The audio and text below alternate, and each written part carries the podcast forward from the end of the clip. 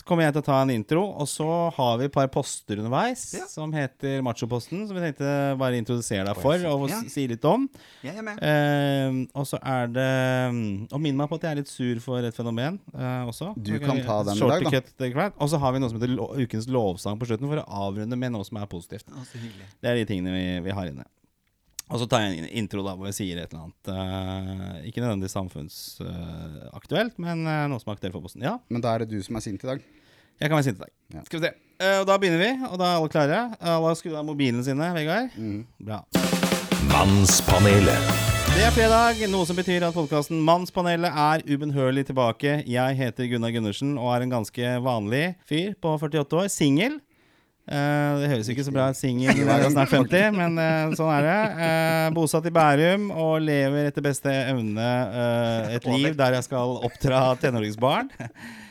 Litt sånn bedagelig forstadsliv.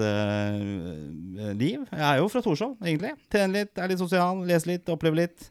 Ålreit jobb. Reiser litt. rundt. Drikker rødvin som, eh, som koster nærmere 200 kroner nå enn Ja. 100 kroner. Da vil jeg si du lever over beste. Ja, fant ut det at det var greit å, å, å komme litt høyere på den. Jeg Kjører elektrisk bil, det er jo typisk Bærums-fenomen. Har båt. Og i det siste har jeg reflektert over min egen maskulinitet. Og så smått startet jakten på mannen i meg. Og til det så bruker jeg denne podkasten. Og med meg på denne reisen har jeg deg, eh, Thomas Olsen Vegard. Vegard Thomas Olsen. eh, også kjent som megaartisten Short Cut. Eh, og så vidt meg bekjent så er du også singel.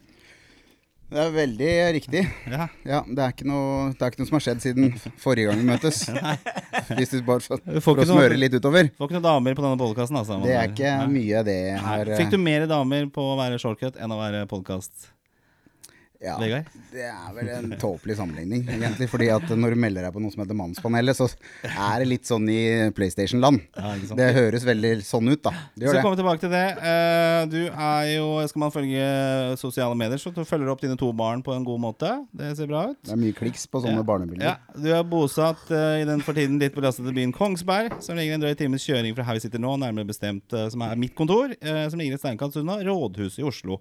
Så velkommen til deg, Thomas Vegard. Olsen. Mannspanelet.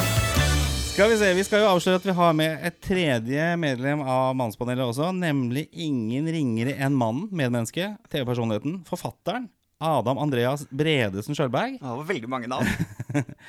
Og Kjølberg Er du på Wikipedia eller noe sånt nå?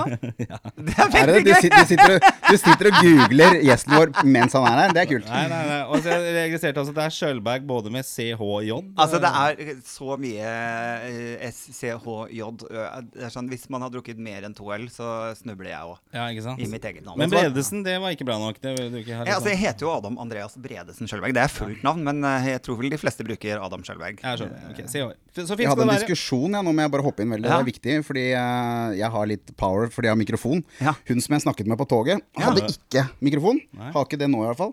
For hun mente at du het Skjønberg.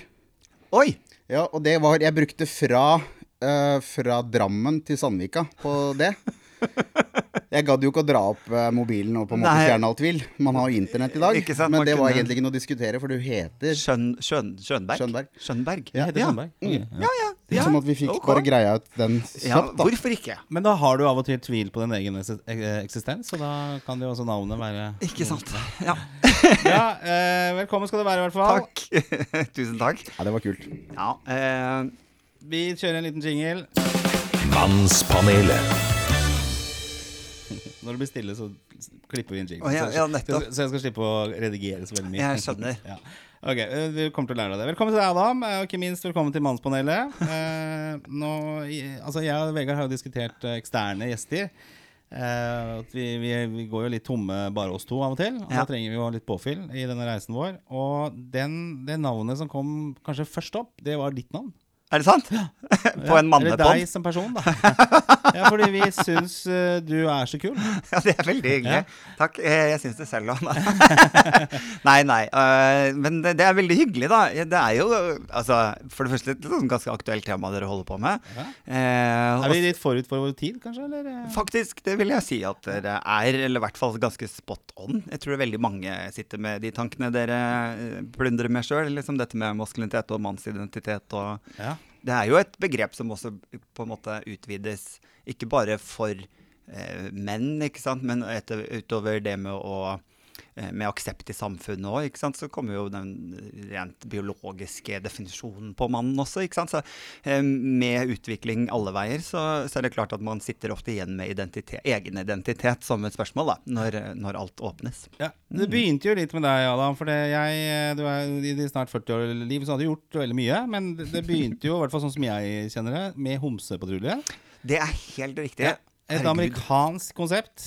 Som Ja. skulle liksom være to, nei, fem utprega homofile. Ja, stemmer det. Det var, hjelpe Altså, det var jo basert på, på det amerikanske Queer Eye for the Straight Guy, som det heter i USA. da. Og så eh, ble det spørsmål om å lage en norsk versjon. Jeg tror egentlig det var eh, Nederland, Frankrike, Tyskland, Norge og Danmark, tror jeg, som hoppa på toget og skulle lage liksom sine versjoner. Ja. Eh, og så var jeg med i den norske. Da hadde jeg hud Nei, hår hadde jeg uh, som hårstylist, for det har jeg jo vært i mange år før. Ja. Uh, og det var jo Herregud, nå er jeg 39. Jeg var Når var det? 2003 eller noe sånt Du nå? var ikke så gammel da?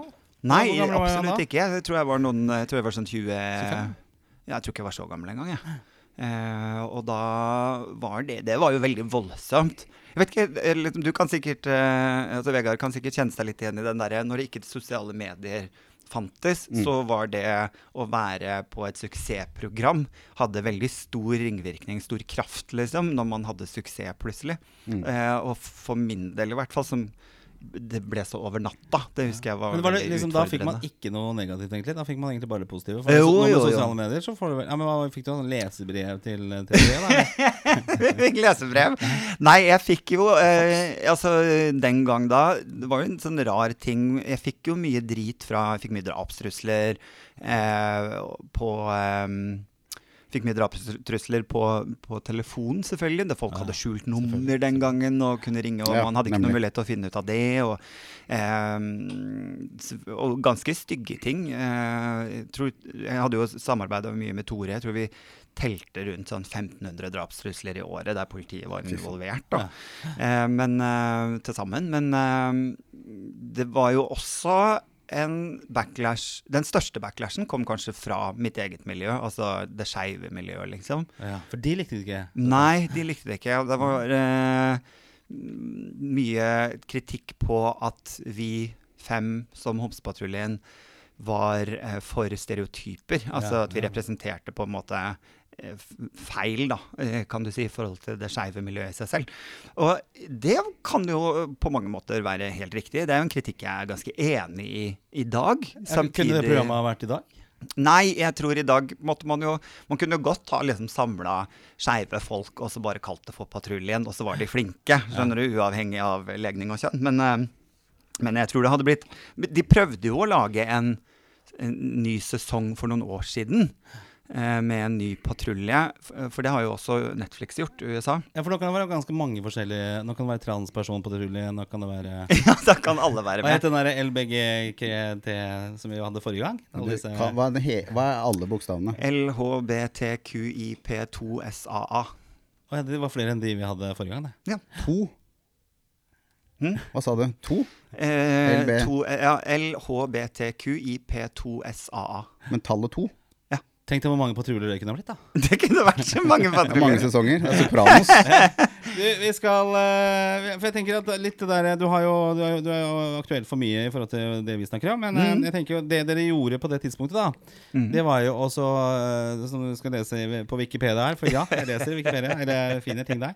Og Der står det at man skal fiffe opp heterofile menn. Ja, Det var det, det, det, det dere holdt på med. ja, rett og slett. Ja, og det er vel litt eh, det vi kanskje er litt sånn inne på nå. Må den, eh, må den heterofile mannen Fiffes- fiffes opp, i dag? litt. Men da var det kanskje mer hår og klær og lærere Ja. og sånn. Men nå er det vel mer den mentale fiffen som må ja, definitivt. fiffes opp. Altså, ja, eh, vi, ja, ikke sant. Vi trenger jo ikke snakke så innmari lenge om akkurat det med Homsepatruljen. Men jeg kan jo si at det, selv om kritikken hadde mye rett, så, så, så var det jo også en sånn fin måte å være homo på TV eh, i en ny setting. Eh, og eh, også det i møte med på en måte den heterofile mannen og den homofile mannen, som for så vidt på det punktet også var ganske nytt, med mindre det var snakk om underholdning eller revy eller eh, drag queen eller ikke sant, noe sånt noe, da. Så kom det plutselig fem menn i dress, da. Eh, og så er det jo også, kan snu på det og si at det var ganske stereotypt eh, av, liksom, mot den heterofile mannen nå. Det var jo ikke bare vi som ble fremstilt som stereotyper. Det var jo også Her er den udugelige heterofile cis-mannen som Ja, for det var ikke det, var det man skulle le av. Det var jo den ikke heterofile sant? mannen. Han kan jo ingenting. Hvordan kan han gå rundt uten hjelm? Det var jo et spørsmål. Så, så det er jo klart man kan snu og vri på, på selve konseptet eh, ganske mye. Og så kan vi jo liksom fast forward eh, en stund der Jeg husker også sånn rett etter Ungdomspatruljen, jeg lo veldig mye av at eh, heterofile menn måtte komme på et ord med altså en egen legning for å kunne bry seg om eget utseende uten å bli tatt for å være homo, så da lagde vi ordet metroseksuell. Eh, sånn Der at- kom jeg inn. Ja.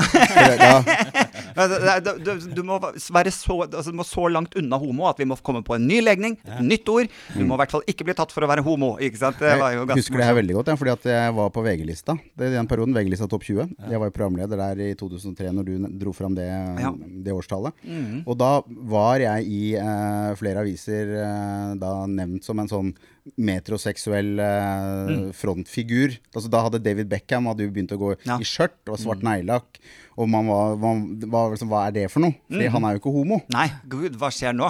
For en var... heterofil mann kan jo for guds skyld ikke bare bry seg om eget utseende. Nei, og Olsen på VG-lista, da, som gikk rundt med denne Grorudpalma si og, og, og trange latekstopper med sånne sebramønster og sånn, som heller ikke var sånn i overkant maskulint, i stereotyp forstand, var jo heller ikke homo. Eh, fordi jeg gifta meg jo Søk opp det, gjerne. For det, ja, ja, ja, ja. Ja, mye- Jeg husker det, jeg var der. ja, altså det var, det var, eh, det var eh, Jeg lekte jo veldig mye med sånt, for jeg syntes det var veldig, veldig tøft. Jeg hadde jo, jeg hadde jo den nå eh, anerkjente Maskorama. Ja. Mm, Baron Kjell- von Bulldog. Yes, Kjell Nordstrøm, som han også er kjent som, var jo min, eh, min eh, stylist på den tiden. Og han dro det jo veldig langt Ja. i å dra meg over i, eh, i, i, i dette landskapet hvor man ikke hadde noen definisjon. Fordi man ville jo ikke bli ja, ja. Ja, det er vanskelig. det der sånn Jeg husker jeg, var jo, jeg har jo vært med i et realityshow selv, altså i Charterfeber. Ja. faktisk, eh, sammen med Svein. Drar det litt var- ned på bakken din. Og da eh, var jeg jo på sånn premierefest, og da kom det en stylist eh, bort til meg, og så sa han det at eh, Har du noen stylist, du, eller? Nei, nei, jeg har ikke det.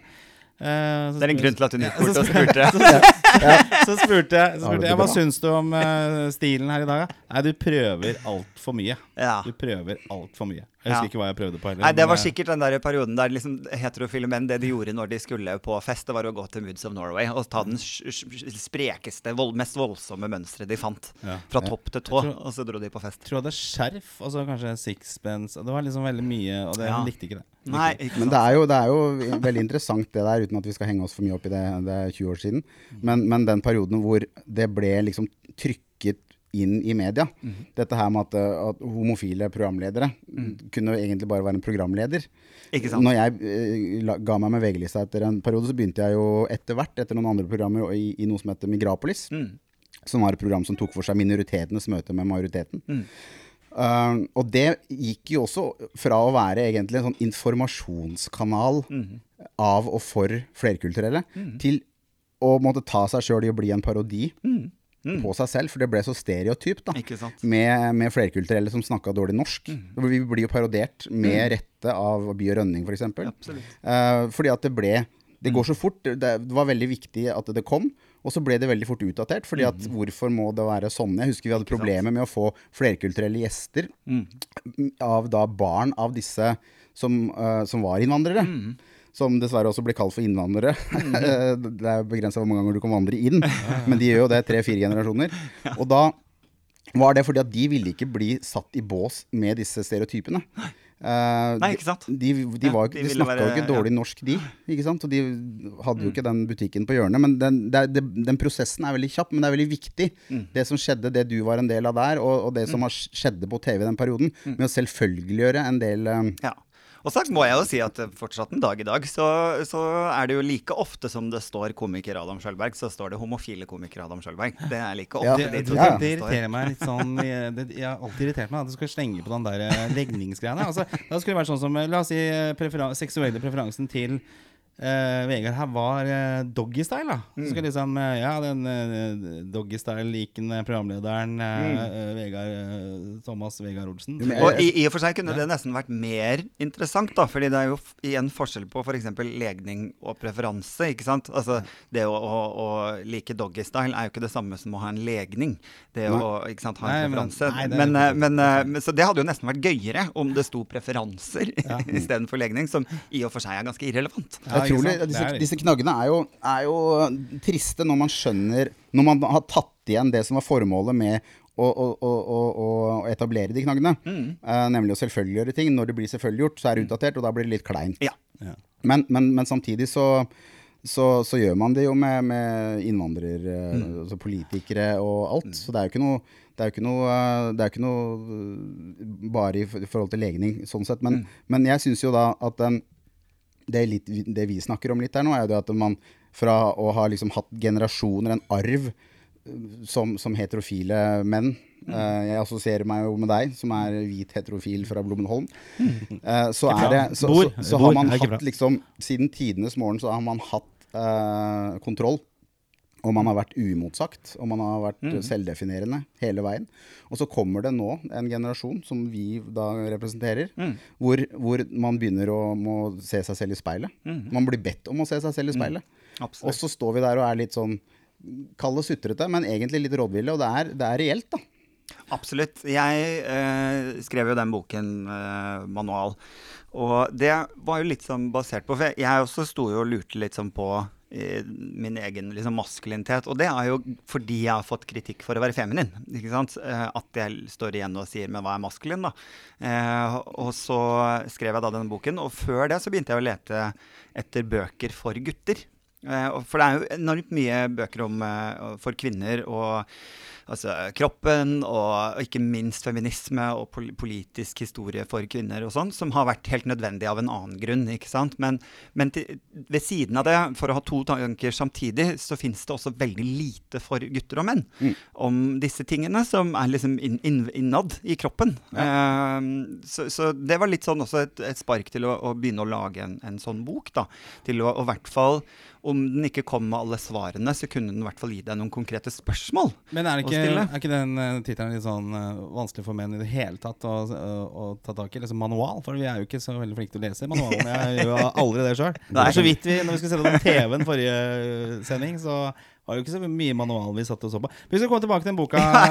Adam, vi, skal, vi skal prøve å følge litt uh, programmet her også. For at Ja. jeg tenker det neste vi skal snakke om For det, Nå tenkte vi du skal få lov å være med på de vanlige postene som vi har. Gøy. Og så skal vi prate eh, om ting imellom her. Ja, Men det første er jo uh, Machoposten. ok. Mannspanelet. Det er eh, selve liksom, starten her for å gå litt til oss selv den siste uka. Istedenfor å liksom sitte og snakke om hva vi har spist, og litt sånne ting ikke, som egentlig ikke er så veldig interessant for, for alle andre å høre på. Så er det mer hva, hva slags kontakt har vi, har vi hatt med vår egen maskulinitet? Det vi kan kanskje stereotypt kalle maskulinitet, for den saks skyld. Den siste uka. Mm. Og det er vi har jo begynt den reisen, og det har vært like trist hver eneste uke. For vi har ikke noe å komme med. Vi finner ikke på noe. Eh, forrige uke så var det vel denne TV-en som vi hang opp. Eh, jeg kjøpte meg en eh, Samsung 65-dommer frame TV Ja, de, ja. som vi holdt på med mm. før sending. Det er viktig før- å få med frame. Frame, ja. han Ja, sier det hver gang. Ja. Frame, ja. Det er jo det er ikke vanlig TV, det er frame. Så det var liksom det vi hadde til bordet da. Og så Ja. har, vi, har jo en uke gått, så jeg vet ikke. Men hva med deg selv, Adam? Altså, Jeg har eh, den siste uken revet ut kjøkkenet, og jeg legger fiskebensparkett én og én uh, der slo oss. alene. Der slår. Det er med en gang, jeg prøvde å få deg til å holde kjeft, men så ikke. Jeg vifta med fingeren. Jeg visste det Jeg visste det at han drev med det. Ja. Så jeg visste at han Du driver og sutter for en sånn planke som er løs ute på verandaen din, som du aldri kommer til å henge opp. Og så sitter han ute her nå, skjønner du, og, og, og drikke litt av kaffen sin før vi går inn. Han skryter av dette gulvet som jeg vet han lager, og som jeg aldri hadde vært i nærheten av. Og det er et prosjekt som er langt over hodet. Ja, men jeg, Ja, tro, jeg trodde kanskje at jeg hadde noe denne uka her. Men Ja, hadde go for det. it. Nei, altså. Vi har jo snakket Vi har jo snakket om det å ta tak i ting som noe maskulint. sant? Det er liksom Ja, nå skal vi ordne opp her. Og være ty hm? Handlekraftig. mener? Handlekraftig, ja. Ikke sant? Ja. Så det jeg har gjort, da, det er jo at eh, jeg har jo eh, utsatt det ukevis. Men heldigvis har det vært forholdsvis mild høst. Men jeg har da eh, ordnet med alle hagemøblene hjemme og pakket inn og gjort det klart for vinteren. Veldig Blommenholm-setning å si. Aner, altså. Så det er vasket og skrubbet, og det er fortsatt et sånt Ja, eh, det er bra. Du har ikke leid inn noen til å gjøre det? Nei, eh, For det er jo veldig Blommenholm. Nei, men her skal vi ta noe som er på minussiden, da. Ikke sant? Det var jo da at eh, Jeg tror det var på fredag.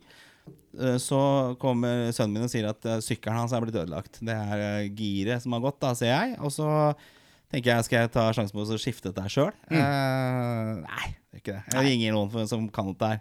Så jeg fikk, eh, etter mye om og men, da, sendt bilder og sånn, så fikk jeg da tips om hva jeg skulle kjøpe av del på dette giret bak der. Og så fikk jeg da kjøpt det, og så sa jeg det Kan du fikse det, så ordner jeg med øl. Ja. Så på lørdag, for å liksom skru det enda litt ned, da, så kom jo han øh, og fiksa dette her. Og så satt jeg og drakk kremant øh, mens han fiksa giret. Eh, men det var en veldig hyggelig kveld. Veldig jeg bidro med, med anekdoter og, og hyggelig prat mens han satt og skrudde. Og ja. Vi tok sykkelen inn. Det sa han, det er ikke lov hjemme hos meg. Så jeg tenkte at det er litt sånn Oi, oi, oi. macho. Det kan du Ja. gjøre.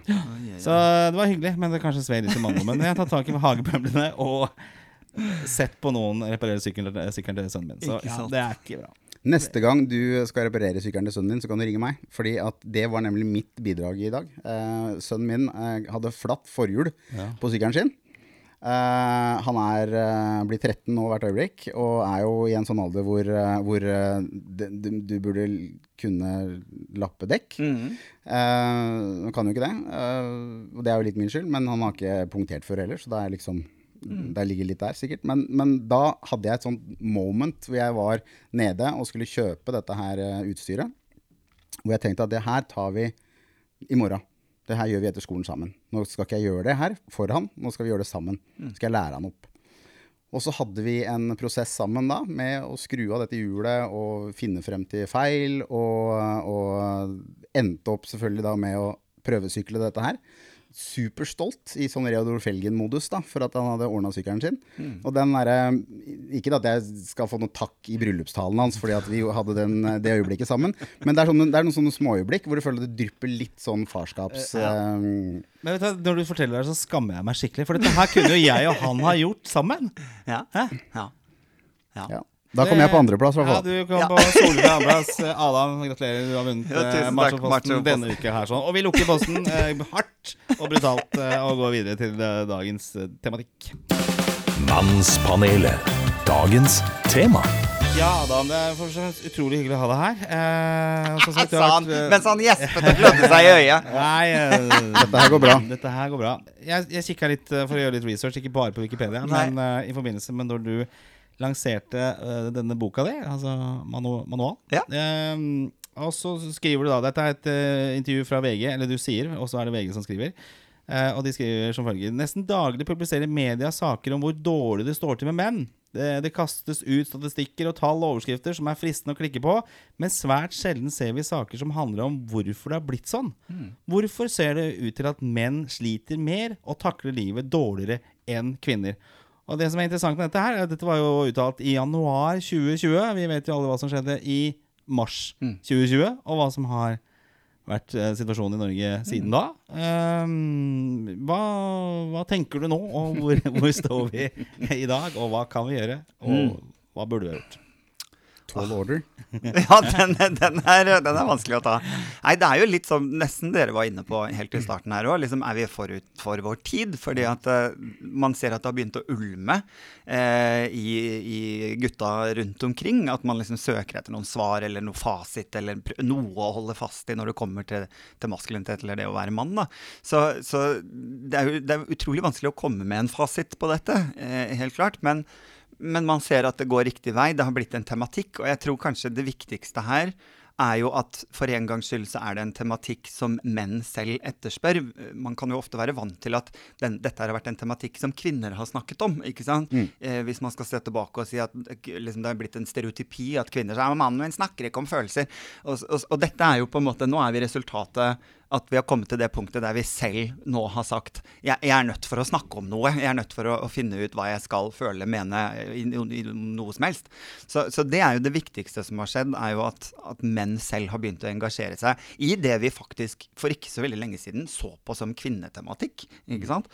At, at nå gjelder det oss, da. Og, og hvis ikke så går samfunnet litt forbi oss. Vi er nødt til å, å klare å henge litt på, da. Men, men spørsmålet det, Vi var inne på dette, dette med å være homofil ikke skal nødvendigvis være noe tema. Men jeg er litt nysgjerrig. Er dette, er dette liksom et, et heterofil manns utfordring, eller er, er man mer åpen hvis man øh, er homofil? Altså, det, det, det, Jeg tror det var nærmere. Ja, nei da, men jeg tror det var nærmere hjertet mitt, da. Ja. Og at jeg på en måte har måttet forholde meg til det hele livet. Så, så det var liksom enkelt for meg å ta tak i, i tematikken både i bok og altså, det, Jeg skrev jo et bok og en, et eh, standup-show eh, ved siden av hverandre, og endte jo opp med at det var såpass mye alvor i den forskningen jeg leste, at, at det ble en bok ved siden av standup-show. Det var ikke alt som var like morsomt, for å si det sånn. da. Men, men for min del så har jo dette vært noe jeg har forholdt meg til fra, fra jeg var liten gutt. At jeg har vært for femi. At jeg har ikke vært maskulin nok. Og til og med opplevd å, å um, få kritikk fra egne, altså skeive skeivt miljø for å være for femi. Når det sitter, og det er jo der det skulle være trygt å være femi. Så, eh, så hvordan på en måte denne maskuliniteten har bare liksom overkjørt verdimessig alt annet i livet, da. Og at jeg er mindre verdt som mann fordi jeg er feminin. Eh, og det har jo vært noe som har liksom vært sånn vanskelig å navigere i forhold til eh, psykisk helse på nummer én. Men bare, ikke sant? jeg har jo gått et liv jeg har fått, jeg, har- Nå har jeg fått skjegg, jeg har sykt mange flanellskjorter, jeg er full av tatoveringer. Og fortsatt er jeg ikke mann nok. ikke sant? Fortsatt skal folk pirke borti at liksom Så er jeg mye mer macho enn meg. Ja, det, og det, er- det er det vi snakket om også, at jeg syns du har en sånn utrolig flott kombinasjon. da, ikke sant? Du Ja. er, du er et sånt eh, sammensatt menneske av de fine tingene her Ja. og verden. Så du er, du et produkt av, av men, menn men jeg tror jeg har kommet frem, fordi du kan si selv om jeg eh, fikk utseendet på plass, da, og at jeg ser macho nok ut utseendemessig, så var det vanskelig for meg å navigere pga. all den kritikken jeg har fått for å være femi fra jeg var liten. Og det kan ligge ikke bare sånn 'hei, du er femi', det er feil, men f.eks. ting som 'åh, Adam er så han- Han er en sånn som alltid skal være bestevenn. Du er for close. Eh, guttekamerater skal ikke være så close som det jeg og min bestevenn var. Det er feil måte for menn å være nær på.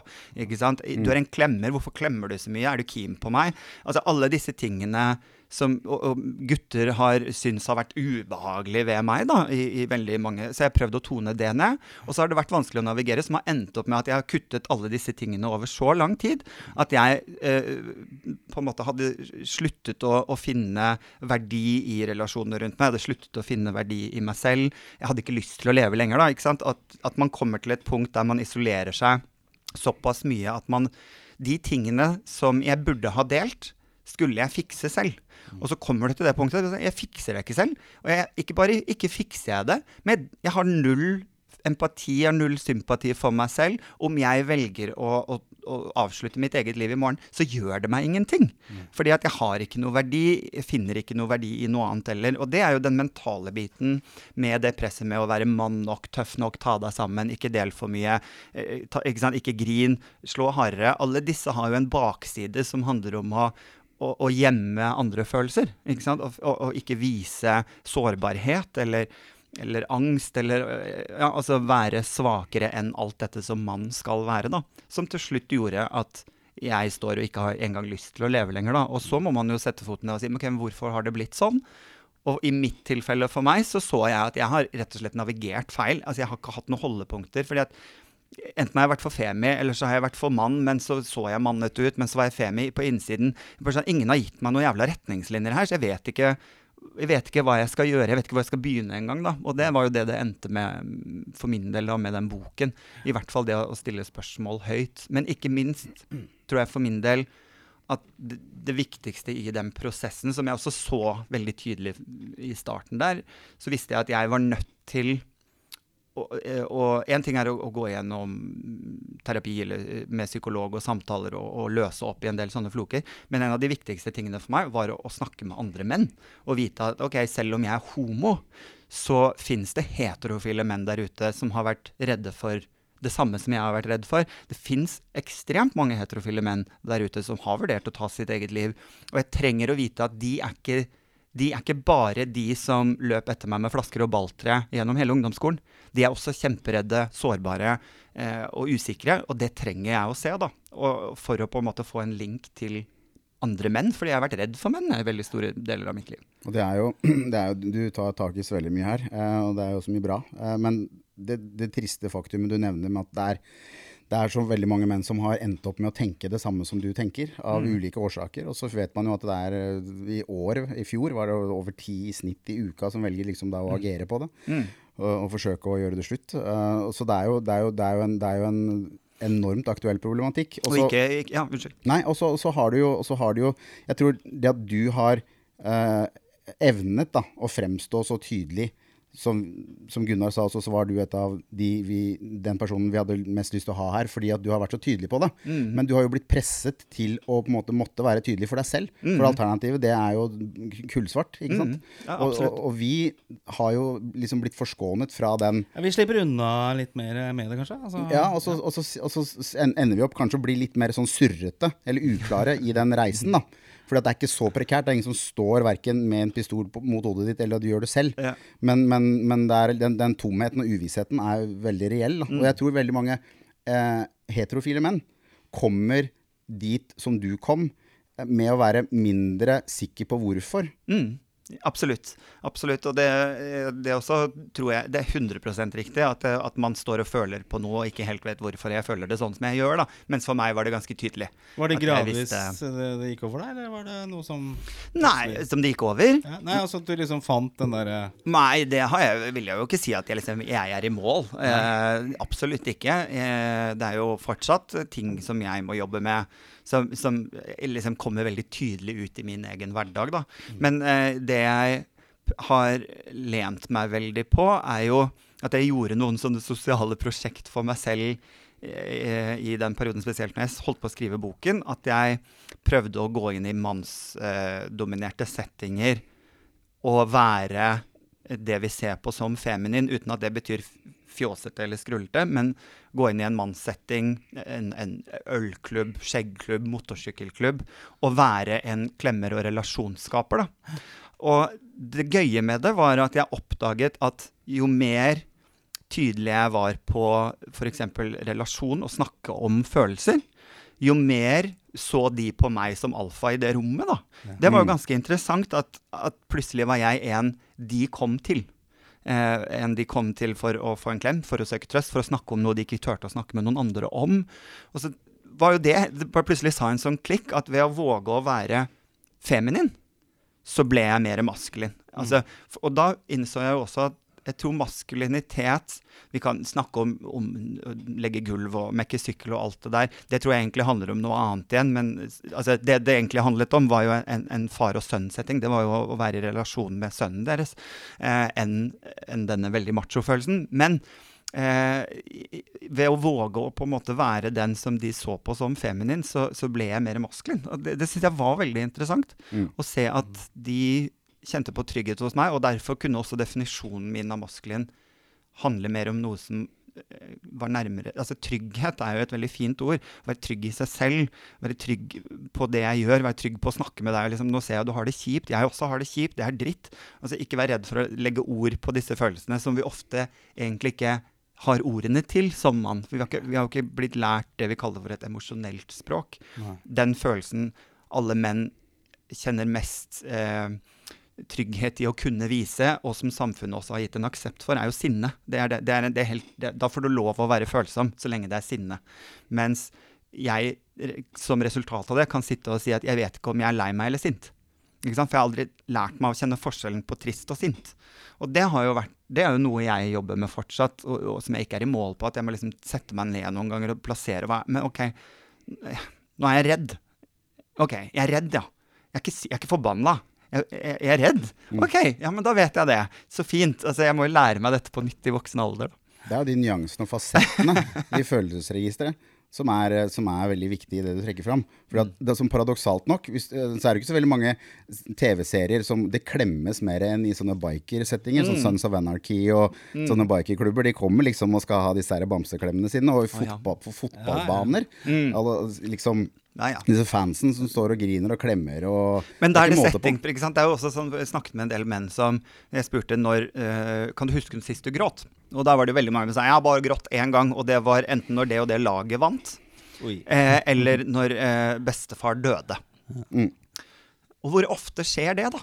I løpet av et liv, da? Hvor ofte dør bestefar i løpet av livet ditt, liksom? Det er jo én gang, da.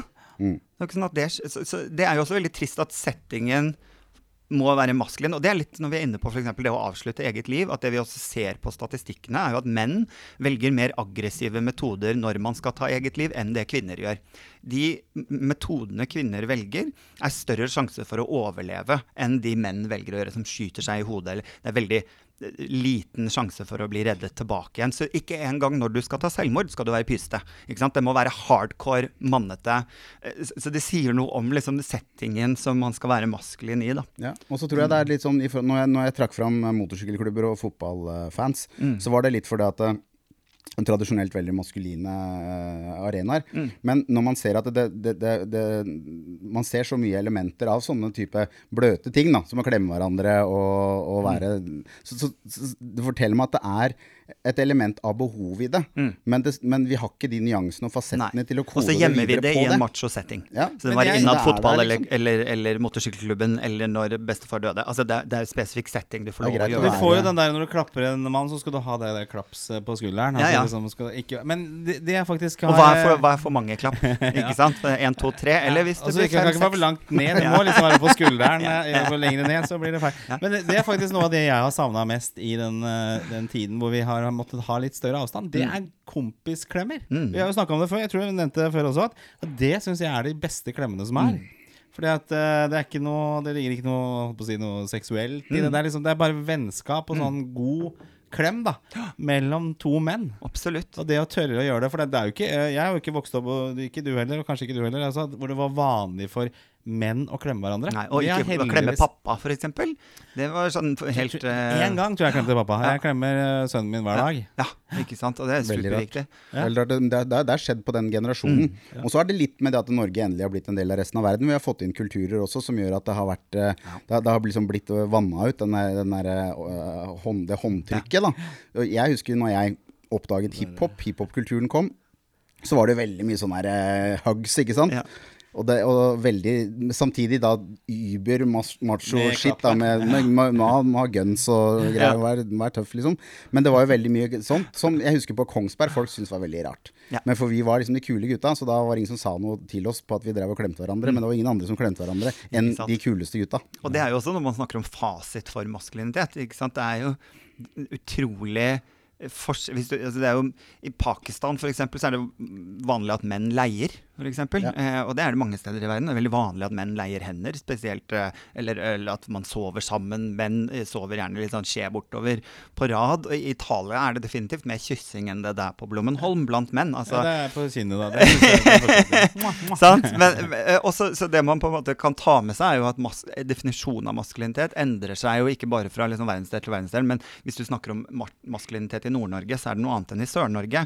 Eh, fra kommune til kommune, fra skole til skole, fra, fra vennegjeng til vennegjeng og gate til gate, så er definisjonen på maskulinitet forskjellig. da. Som igjen vil si at ok, det har ikke noe fasit. Og da må man stoppe opp og si hva trenger jeg? Ja, Hva, jeg, hva trenger jeg for å fungere? Men så har jo du vært ja, en sånn spydspiss, som jeg vil kalle det, i, i form av uh, standup-showet ditt og, og boka di.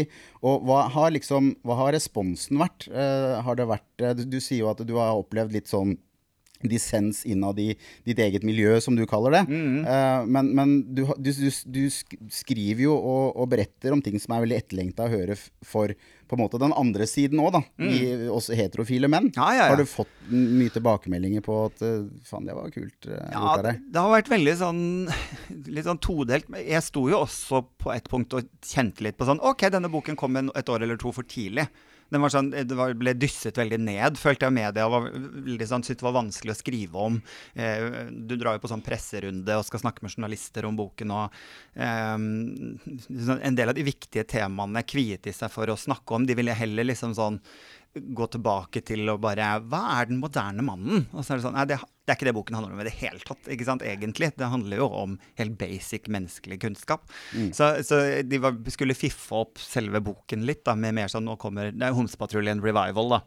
Så, så det var jo én litt sånn rar side ved, det. Og, og at, at jeg måtte kjempe veldig hardt for å få sakene For å få noen til å skrive om denne boken i det hele tatt. Var du litt feil fyr til å skrive om menn? ja, jeg var nok det, og det var jo faktisk Det var jeg også klar over. Jeg valgte jo bevisst å ikke ha eh, meg selv i full figur på forsiden. For jeg vet at da hadde veldig få menn giddet å kjøpe den boka med han homoen på. Så vi tok bare et nærbilde av skjegget mitt. Sånn at, og det var nesten så at jeg vurderte å skrive det under et falskt navn. Fordi at jeg vet jo at når, den homofile komikeren har skrevet en bok. Så, så absolutt, det var jo noe jeg var veldig bevisst på fra start av. Men så begynte det å, å rusle og gå litt, og begynte jo å dette inn mye melding eller e-post fra andre menn. Eh, og så begynte det å bli hundretalls og tusentalls, og ble invitert på diverse settinger for å komme og lese fra boken innad i mannsmiljøer. Og jeg husker jeg sto foran 600 eh, Altså, vi snakker motorsykkelgjenggutter, eh, og de ville, hadde leid meg. Og jeg tenkte sånn Det er her jeg skal dø. Eh, Ja, det er ballsy. ja, Og- ja. og bare OK. Og så da jeg var ferdig å lese, så liksom, du vet han ene på 2,5 meter med langt skjegg og skinnvest reiser seg opp og begynner å slow clap, liksom. Og, hele, og 600 menn Og ser ut seg. seg sånn at alle andre er Ja, jo, men og liksom Og, og han brøyta seg gjennom lokalet. eh, mot meg og kasta seg rundt halsen på meg og gråt som han aldri har grått før. ikke sant? Da var det sånn OK, da var det ikke bare jeg. Skjønner du? Det var jo den følelsen som jeg også trengte å vite. At det var ikke bare jeg. Da kunne du lagt opp der og da, hvis du liksom fikk det akkurat. Så bare, ok, jeg er ferdig. Og så er det helt i andre enden. Når jeg reiser rundt på skoler, videregående og, og leser fra boken, så er den tilbakemeldingen som kommer oftest er, ah, fra elevene, er at uh, også digg at det var en mann som sa det. Det er den beskjeden jeg får oftest. At de er veldig vant til denne tematikken fra kvinner. Men det var veldig deilig at en mann sto og snakket om det. For det, det var en annen legitimering, på en måte. Så det er, det er jo den tilbakemeldingen jeg har fått aller mest. Jeg har ikke fått så mye liksom, kritikk på Eller sånn drit på boken. Og det handler jo litt om også at jeg, jeg presiserer veldig at det er ikke noe gærent i å være macho, hardcore macho. Altså, Lars Monsen også er happy. Og det er fint, men, men jeg kan ikke være han. Du må ikke presse meg i den boksen og si at jeg er feil fordi jeg ikke er sånn. Macho må være noe annet for meg, og det må være greit for de andre. Ikke sant? Du må ikke sammenligne de to, da. Det må jo handle om noe du har lyst til å være, ikke noe du føler må være. Altså, det er vel der Ja, vi sliter litt. absolutt. da, ikke sant? At definisjonen så Jeg går jo aldri rundt og sier at det å være mann er vanskelig, for det finnes egentlig ikke noe lettere i hele verden. Men vi snakker om at rommet å være mann i er veldig lite. Det er veldig tight retningslinjer, liten boks da, på, på hva definisjonen av mann og maskulin skal være. Og, og den passer ikke for meg. Det, det er kanskje det vi er litt, sånn, litt urolige for, da, Vegard. For at vi, vi, vi har jo ikke noe å klage på, egentlig. Men vi føler jo det at uh, kvinner da har liksom mer momentum i samfunnet. Heldigvis, for det, det, det fortjener de. Men at vi blir på en måte stående litt på sted og hvil. ja. Og så etter hvert at vi kan få ganske mye sånne litt forvirra uh, menn som ikke vet hvor de tilhører. Og det er jo ikke noe positivt for samfunnet heller. Uh, altså Gjenger med 60-70 år gamle forvirra menn stående på, rundt på gatehjørnet. Vi vil jo ikke ha det. Vi, vi, vil, jo, vi vil jo ha noe, noe altså, Og det er jo litt Det har vi også snakket om, at eh, det er jo større grad av um, depresjoner blant eldre menn. Og da, Vi hadde jo en liten sånn teori på det at det, liksom det å miste en del av disse manndomstingene, da, altså type potens og, og kraft og, og hår og alt hva det måtte være, er på en måte verre da, for, eh, for mannen. At, eh, For man har ikke noe annet å falle tilbake på, egentlig. Absolutt. Og det å f.eks. ha lagt verdien sin i, i styrke, f.eks. Da. Ja. Vi vet at styrke svinner hen. Så det er veldig veldig dum ting å legge verdien din i på, som mann på sikt. Da. Eller og det der med å være eh, den beste på jobben sin, da. Eh, du vet at det også blir borte.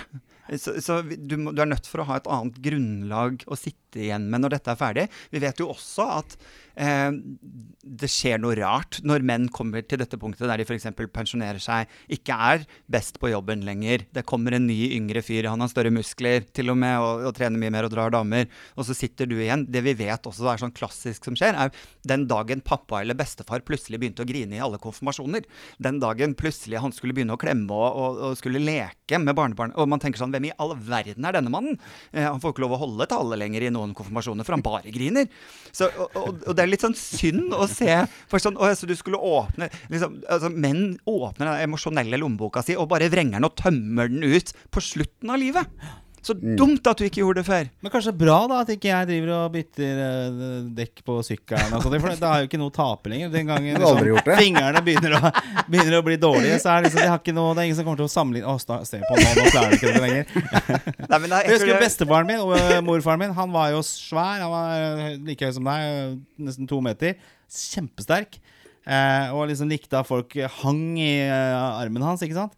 Og så ramla han ned fra taket. Han hadde en eller annen sånn ryggproblem også. eh, for han var født med rumpa først, hva var det det sagt? Jeg vet ikke om det, det er et sånt setefødsel. Ja. Ja, ja, Så han falt veldig eh, etter hvert eh, i fysisk styrke. Og ble fryktelig deprimert Mm. Ja. på grunn av det. Han det- hadde liksom ikke noe annet å falle tilbake på. Han hadde vært den sterke fyren hele tiden. ja, ikke sant? Og det er der jeg tenker at vi Så må liksom din lære oss indre finn svakhet. indre svakhet. Ja, eller ikke trenger ikke finne svakhet, men liksom finn, finn verdi i noe annet, da. Ikke sant? Jeg snakket jo med en del pensjonerte menn da, i forhold til hva, hva de hadde gjort for å, å føle seg mer maskuline i, i, på liksom the glory days, eh, på slutten av eh, glory days. Eh, og flere av de hadde jo da funnet f.eks. i frivillighetsarbeid, å bruke kunnskapen de hadde hatt i jobb som, eh, som veileder f.eks., eller, eller en sak å engasjere seg i, da, at de fikk brukt den kunnskapen de gjorde. Men, men det de fleste endte opp med, var jo denne liksom paniske relasjonsbyggingen på slutten av livet med, med sønnene sine, med, med ikke sant, barnebarna sine. litt, Ja, og prøvde å, å bli litt For det var det de så at det er det jeg har manglet Ja. i livet, da. Så, så jeg tror det å liksom begynne å og det er jo det jeg snakker om i mitt eget liv òg, at jeg kom til det punktet der jeg har gitt det emosjonelle i livet mitt så liten verdi. Jeg har satt pris på alt dette man mannegreiene så mye at jeg har glemt å gi det emosjonelle verdi i så stor grad at ikke engang jeg har verdi i mitt eget liv. Det spiller ingen rolle om jeg er her i morgen eller ikke. Eh, og, og det er jo da man på en måte OK, jeg er på mange måter så heldig at jeg har sett det før jeg er pensjonist. Jeg kan nå begynne å jobbe med å gi meg selv, og ikke minst relasjonene jeg har rundt meg, gi de verdi, da. Mm. Jeg, altså jeg forbereder meg veldig. Jeg, jeg liker jo å altså, kose meg, f.eks. Altså, ligge i sofaen, se på TV eh, og lese bok. Og, nå er Kindle, så jeg kan liksom blåse det opp til veldig Ja. stor størrelse. Så det vil aldri være noe problem med syn heller, for den saks skyld. Så jeg, jeg, Nå har du så svær TV-skjerm. Ja, nå har jeg svær TV-skjerm også. Så jeg forbereder meg til pensjonisttilværelsen og er egentlig komfortabel. Jeg kan bli pensjonist i dag, ja. Det er Ja, helt hadde fint. vært helt nydelig. Ja, det hadde ikke vært noe. Kjempefint. Men hva, hva slags eh, Altså, jeg har jo ikke lest boka. Det skal jeg gjøre, selvfølgelig. Burde ha gjort det før dette intervjuet. Jeg ikke lest. Jeg leser få manualer eh, som, som sådan. Men hvis du skal gi noen eh, noen veiledning da, når du sitter med den og hører på, og kanskje føle litt på litt av det her vi snakker om, da. Hva, hva kan vi kan vi gi litt sånn hjemmelekse, litt sånn tips, så vi kan begynne lille, den lille prosessen vår, da? Gå og lese boken min. Nei, da. Jeg- kan man kjøpe på Kindle, forresten? Eh, ja, nei, det tror jeg faktisk ikke den ligger Jo, Kanskje. Nei, jeg er usikker. Okay, ja. Men jeg tror eh, Altså, for min del så handlet det jo litt om også å, å kunne få en forståelse for andre menn. Altså, I det sekundet jeg gadd å tenke forbi meg sjøl og, og, og si at OK, jeg har min far, da, eksempel, som har vært eh, en forsvarets eh, mann, da, så maskulin at eh, det har gått på bekostning av vårt forhold. Eh, og har brukt mye tid på å, å være litt sånn sint på han eh, for det. Så har jeg også stoppet opp og tenkt at hvis jeg syns det er vanskelig å finne rom til å gråte eller uttrykke, hvis jeg syns de rommene er få, hvordan syns pappa det er? Og hvis pappa syns det er enda vanskeligere enn meg, hvordan syns farfar det var? Hvor, hvilke rom følte farfar seg trygg nok til å, å, å falle sammen i? Ikke sant? Eh, så det må ha et lite sånn perspektiv på at det er, det er en generasjonsting her også. At, at jeg står nå i, i makten til å, å bryte dette. Jeg, jeg står med makten til å plukke opp den telefonen og snakke med pappa. Og, og snakke med han om hvilke rom han følte seg trygg til å gråte i. Ikke sant? Jeg forstår at livet har vært vanskelig for han også. Eh, og, og bare det å liksom kvitte seg med noen av de der sinnegreiene har vært veldig fint. Å liksom sette seg inn i i, i menn i min familie, da, ikke sant. Hvordan har de hatt det, og hvorfor er jeg som jeg er? da? Så det å gidde å stille noen spørsmål og tenke er jo kanskje det viktigste hvis man, for de som hører på, da. Å tenke sånn Hvorfor, hvorfor har jeg akseptert denne fasiten hvis, om det å være mann? Hvis det er noe jeg ikke har behov for, eller hvis det, hvis det krasjer med hva jeg trenger hvorfor har jeg bare akseptert det? Og det har vært en sånn fin manneting for meg. er å være i opposisjon. Jeg liker ikke å bli fortalt hva jeg skal gjøre, men så har jeg likevel akseptert denne fasiten uten å stille spørsmål. Faen så dum jeg er. Dette skal jeg stille spørsmål ved, da. Så, så gidd å stille spørsmål. Veldig bra. Veldig bra. Veldig bra. Veldig nydelig. Jeg tenker jo sånn helt avslutningsvis også, for vi har jo blitt velsignet med, med to sønner. Ja. eh, I tillegg til døtre. Men i, i dette panelet her så, så syns jo jeg også den For å ta stafettpinnen og bringe den videre fra det du sier med foregående slekter, Mm. så sitter jo vi som menn nå og reflekterer som aldri før. Mm. For dette her har aldri blitt reflektert over eh, i den grad, fordi at vi har vært toneangivende. Mm. Og vi, vi har satt på en måte standardene selv. Og, og være, vi har vært umotsagt hele tiden. Mm. Uh, men, men jeg opplever jo det som ekstremt viktig nå. Og, og det hadde jeg aldri med min far, selv om jeg på mange måter føler at jeg har vært kjempeheldig og ha verdens beste pappa på mange, Mm. mange måter.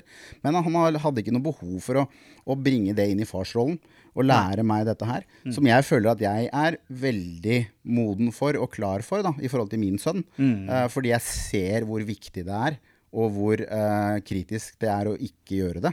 Absolutt. Eh, så jeg, jeg syns jo det er vel så viktig. Uh, Kan jeg, jeg må bare legge til noe da? Altså, som er vel utrolig fint av deg å si, er jo eh, bare noe så konkret som at vi vet at man slutter å klemme og være nær, fysisk nær, guttebarn mye tidligere enn det man gjør med jentebarna sine. De koser vi med, Døtrene våre koser vi med i mye lengre tid aldersmessig enn det vi gjør med gutter. Gutter slutter vi å være nær, spesielt fedre og sønner slutter å være nær. Med en gang gutter viser tegn til pubertet, så slutter vi å kose. Og det man også gjør da, er å på en måte frarøve dem muligheten til å, å vite også hva nærhet er, og hvor grenser går, f.eks. Så hvordan skal de senere klare å navigere fint i andres grenser igjen, når de ikke engang vet om sine egne? da. Så, så det er jo her akkurat det du setter fingeren på, som er eh, vanvittig viktig, og at man står med muligheten til å lære barna våre til å bli bedre. Ja, det er, og det er altså, fint å se det. Du snakker jo generasjoner også. Det er, nå er, faren min er jo død, så jeg kan ikke ta holdt på å si et oppgjør med han eller gå litt inn i hans rolle når han vokste opp. Men han hadde jo mye utfordringer, han. Men for meg så har det vært, veldig viktig å liksom lære av det, for det har ikke gjort meg sånn veldig bra. Og da, da tenker jeg at uh, da skal jeg ikke ta den videre på neste generasjon, dvs. Si min uh, egen sønn. Og det, jeg føler liksom det forholdet der har blitt, uh, blitt bra på en helt annen måte enn det jeg hadde med faren min. Jeg prøver å liksom plukke de gode elementene som vi hadde, da, men også ta inn dette her med, med samtale, og at det er lov å kunne snakke om ting som også føles vanskelig. Det er viktig. helt greit at ikke pappa fikser absolutt alt. Ja. Det tjener barna bedre. Ja, ikke sant? Så så jo han det at jeg eh, Bortsett fra drakk, sykler, eh, kremant og, og mens, mens Christian, eh, takk for han, eh, var der og ordna og fiksa. Greit, vi skal gå videre. Eh, Vi har et par poster til før vi skal avslutte her. Eh, Vi skal over til eh, Shortcut to crap. Mannspanelet. Shortcut crap, det er altså det, det er vanlig, Altså Vegard er jo Han har jo sinne i seg. Og har mye observasjoner i samfunnet som han eh, som er forbanna på. Eh, og det Ser ut veldig genetisk latino. Se, han, er litt, se, han ser jo litt sint ut også, ikke sant? men han er en god gutt på bunnen, det vet vi. Men han er sint, og ofte så er det han som får rollen til å være sint, eh, mens jeg kan sitte og eh, le litt av det. Men jeg skal ta opp en sak eh, som jeg raser på. Eh, Ble du sint for det nå? At ikke du, får- at ikke du får være sint? Ja, det er veldig maskelig. Du kan komme med noen, du også, men jeg vil bare si Jeg har jo, jeg har jo begynt å trene litt mer. Eh, og er på litt forskjellige type timer og sånn på, på Sats. Eh, og jeg, jeg, jeg er en, ting jeg ikke er så veldig glad i, det er mannlig nakenhet på treningsrom. Eller i garderober. Er en uting. Og jeg eh, var der da på lørdag. Og skulle bare ta på meg skifte sko inni der. Og så ser jeg en eh, godt eh, voksen fyr eh, stå der, litt sånn litt kraftig bygd. Og han har på seg litt sånn gamle, slitte underbukser. Og så syns jeg de underbuksene henger veldig eh, her. Men jeg tenkte ja, de er gamle, og jeg har også de, eh, de hjemme. Eh, og så tar han av seg, og så ser jeg at han har noen enormt svære baller. Altså største jeg har sett. Eh, og prøver ikke å se for mye på det. Men det han da gjør da, det er jo at han da bøyer seg fram. Ja. Og står da Det her er ja, type, det er sånn som Vegard eh, er, da. Altså, type, hva er det for noe? Halvannen meter unna. Så står han da med rumpa mot meg med de enormt svære ballene. Uh, Og bøyer seg. ja, bøyer seg. Ja, det blir, når du ser en ku med jur Ja, er det var, den- det var ja, det oksebjell altså, Mhm, Men eh, uansett, ikke gjør det når du er inni det, Jeg orker ikke det. Men er det ikke i garderoben man skal være naken, da? Ja, men jeg, er ikke, jeg, jeg liker ikke den uh, på, Ja, nå, nå ble det plutselig tre nye diskusjoner her. eh, jeg, Fordi er, er ikke det sånn at er ikke det sånn at Jeg vokste jo opp i med, Jeg gikk jo ikke i barnehage, for det var jo ikke fordi mor var hjemme med barna, men jeg var på daghjem. Eh, fordi at mor og jeg ikke orka å ha oss hjemme hele tida. Og da var det jo damer med hår under arma som lå og solte seg toppløse i barnehagen og røyka. Mens I vi var- barnehagen? Ja, ja. Mens vi var i løpet inn eh, Jeg Vi løp eh. Altså, jeg er fra Kongsberg, ikke sant? Og vi løp og, og i, i sprederen nakne. Ja. Ikke sant? Altså, det som var naken, var poenget mitt. Da, eh, da var liksom, det, det med nakenhet før var jo Du var jo mye naken. Altså, Ja. Du var ute i skauen og bada, og, og så ser på Ronja Røverdatter i dag, liksom, Ja, så ja, blir ja. det liksom Faen, hun var jo naken, hun. Ja, Kan jeg se på dette her? Hun er jo, hun er jo, Liten. hun er jo liten. Kan jeg se på den filmen nå, liksom? Det er jeg, sikkert klipp bort det, da. jo, men altså det der med og at gutter ikke tør å dusje på skolen Jeg vet ikke om det bare er et gutteproblem, men at man ikke dusjer etter gymtimene nå fordi at det er ubehagelig å være mm. dusje sammen. Og, og det blir på en måte omfavnet Ja, av skolen også. Dusje man, er jo for så vidt greit, men Ja, men ikke stå en halv meter unna ja, for du snakker, du snakker om etikette, du. det, Ja. Jeg snakker om Ikke legg ballene dine oppi lunsjboksen min. Hvis du står eh, og dusjer i en garderobe, selvfølgelig skal du være naken. Da, Ja, ja, må du være naken. Det er ikke noe problem. i det hele Men etterpå, Men det liksom er sånn- noe etikette rundt dette her med Ja. nakenhet. Og det er en annen ting også. Jeg var, var på sånn yoga, sånn hot bikram yoga her sånn. Hva Så var det du sa han nå? fyren inn. Ja, jeg var, det er godt for ryggen. Det hjelper for ryggen. Uh, når du ikke har så mange andre hoftebevegelser om dagen, så er det godt å Du må begynne å skifte dekk på sykkelen din. Også. Hør, da! Og da kommer han fyren fra, fra det yogastudioet inn, skal liksom fortelle og, og liksom eh, fyre opp en time som har vært, og sånne ting. Og så står han naken, men med T-skjorte over. Ja, det er rart. Donald Duck. Det skal du ikke Det går ikke. Nei, det er veldig, veldig, veldig Ja. Ja. Hva er dette her du er Stå, på? ikke bøy deg. Og, ikke sånn, bøy deg ikke når du er naken. jeg ville vil jo da liksom gått inn i meg selv og tenkt hvorfor syns jeg det er så vanskelig med andre nakne menn? Eh, hvorfor trigger det deg så veldig at du blir ukomfortabel rundt nakne menn? Nei, men det er ikke det er feil nakne menn. Ikke sant? Feil Men kan jeg spørre om en ting? Dette lurer jeg faktisk veldig på. Altså, når, du appro- når du drar opp disse store ballene. Eh, det eh, har jeg da eh, Største svett, altså. Ja, men jeg har lest at eh, det skjer, da. Ikke sant? Altså på menn eh, når de når en viss alder. Altså at ballene slipper å, bli veldig lange. Men Når- du har jo the shift, altså når ballene blir lengre enn staka. Ja, ja, ja. ja, ja. Når, cirka, er det noen som har noe erfaring? Når, er det liksom si det. Nei, Ja, men at det, at det er Det noe vi alle mye- menn at Det det skal mye til for å si det på den måten. Ja, da er vi oppe i hjelpemiddelsentralen. eh, Men nei, det har, du, er, du har et poeng der. Det er jo sånn med eldre menn. Men nå, ser, nå snakker jeg om eldre menn i, i kraft av at jeg blir 48 nå Men det hadde ikke vært noe dager. bedre hvis det hadde stått en, uh, En 20 trent- år gammel uh, gutt eh, En trent sin gutt på alder 25 år. med ballene opp i ansiktet på. Jeg vil ikke, det vil ikke jeg ha. Altså, Nei, men ikke- du snakker mer om etikette. Ja. Enn Eller i at du irriterer over at du ser en naken mann. For det er ikke et problem. Det er samme nakne fyren i dusjen. Det hadde ikke vært noe bedre synes jeg, hvis det hadde vært en kvinne som sto Ja, kanskje. Jeg vet ikke. Nei, men det var, og Jeg er var- generelt veldig pro baller i ansiktet.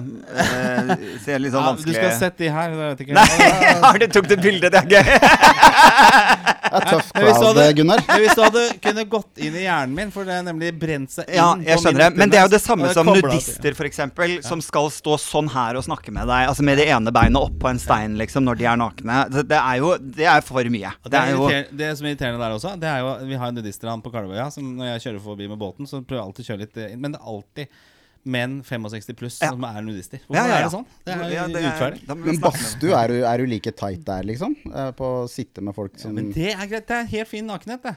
Men T-skjorte og naken under, ikke bra nakenhet. Og uh, rumpa Nei, Når du melder deg på et kurs med en fyr som går naken, Gunnar Nå er det mye Du, av vi syns du skal gå i deg selv og finne ut hvorfor du blir trigget av nakne menn. Skjønner du hvorfor jeg har den shortcut to crap-posten? Jeg skjønner det. Jeg Jeg blir skjønner forbanna, liksom. Ja, ja, ja. Da hadde du holdt fast i kaffen din. Dette her var mer sånn eh, altså Ok, da, Har du noe du, da, Vegard? Eller er du så, så blid om dagen, du, da? Er du så blid, du, da? Nei, du ba meg Han er sur på deg, faktisk. Han er sur på deg. Uff. Teddy er forresten uh, fortsatt i live. Og, Ja, det er ikke og, lenge. Ja, skal drepes en hund som har vært en liten uh, farsott i denne podkasten. Oh, ja. Så vi går inn på det. Vi skal, uh, tenkte vi skulle ta den siste delen her. sånn Det er for å avslutte alltid med noe positivt. Nå har vi hatt svære baller i ansiktet som jeg ikke syns er noe positivt. Som jeg syns er positivt. Som er positivt ja. Ikke de her. Altså, jeg er helt sikker på at du hadde syntes det hadde vært litt mye. Og det var kanskje en stygg eh, reminder på at kanskje sånn blir jeg sjøl en dag også. At det var en slags tristesse i det. At, eh, jeg Ja, ikke sant? ja. Ja. Vemodig. Ja, sånn er det der, havner jeg der. Uh, vi får se. Men vi lukker den spalten, og så går vi videre til ukens uh, lovsang. Mannspanelet. Ukens lovsang. Fordi at disse podkastene blir jo Kan det bli alt mulig rart. Det kan bli Og så har vi negative Vegard her, som er sint, og sånne ting. Så, så tenkte jeg det er alltid fint å uh, leave on a high note, som det heter. Eh, det er jo sånn som når du er på standup-scenen, så, så går du vel sikkert av akkurat når du har folk i litt sånn balletak på dem, for å bruke et aktuelt eh, nivå eller uttrykk nå. Ja. Ja, ikke sant? Sånn eh, always leave on a high note. Det er jo en, Jeg vet ikke om du har sett uh, Seinfeld? Jeg er jo veldig glad i det. Mm. Og der har jo da George Costanza Han har, eh, han har gjort det sånn at han alltid går når folk ler av han. Altså når han er en vits. For Ja. han sier alltid han har liksom én vits er god, og så kommer neste som er dårlig, og da, da Ja. faller alltid grus. Så han går alltid, alltid når, han når de ler. Ja. Eh, så derfor så blir ukens lovsang et slags sånn eh, Leave on a high note-opplegg, da. Eh, så er det noen som har noe som er begeistret. eh, Adam, du er jo en begeistra fyr. Hva er det som har begeistra deg mest den siste uka? Har du noe Den siste tiden, da. Du var jo ikke her forrige uke, så du har, kan slippe unna med 14 dager, f.eks. Nei, jeg er jo, altså, jeg må jo bare Akkurat nå, det er liksom veldig kjapt på, da, så er jeg veldig begeistret for at jeg eh, klarte å legge det gulvet som jeg har gjort nå. Det må jeg virkelig si. Og det eh, Dette er ikke strø salt i såret-posten. Det her altså- er ukens lovsang. Og før det, vet du, så bygde jeg en sykkel. Fra scratch. Jeg bare går inn og stryker Adam, for vi har litt sånn evaluering etterpå. Kan han inviteres på nytt? Og da bare streker jeg nei der. Eller så eh, kan dere fortsette, dere to, som er så jævlig flinke. Da, da kan jeg jobbe gi opp. Gå på sånn nakenyoga. Ja, kan jeg lage anti-nakne menn? eh, podden? ja, vakkert det, altså. Eh, Jeg skal, kan jo komme i for, forkjøpet, for jeg er helt sikker på at vi har mye av det samme fra, fra siste uke. her sånn, For det, vi er jo begge fotballsupportere. Ja. Ikke sant?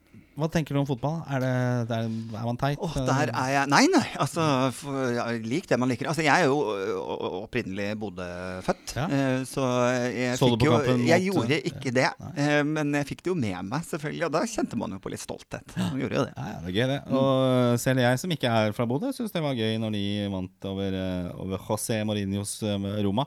Men vi hadde jo en kamp på søndag. Det var jo årets kamp for oss som er Liverpool-supportere, nemlig mot, mot Manchester United Ja. eh, på Old Trafford. Vi, Liverpool vant 5-0 i et fantastisk eh, eventyr av en fotballkamp. Eh, og jeg, for meg så er jo ofte Fotball er jo litt sånn sosial ting. Eh, og jeg, når det er kampe, store kamper hjemme, så samler jeg mange, mange hjem og inviterer åpent hus og, med snacks og øl og alt dette her. Så vi var en kjempegjeng på, på, lørdag, nei, på søndag. Eh, så jeg hadde faktisk to avdelinger åpne. Én var jo da Mancaven, der vi vanligvis spiller podkastene våre. Der eh, ungdommen satt og så kamp. Jeg måtte, for jeg bruker sånn Apple TV, så jeg måtte synke, da, for det var litt sånn usynk på Så de kunne juble først. Ja.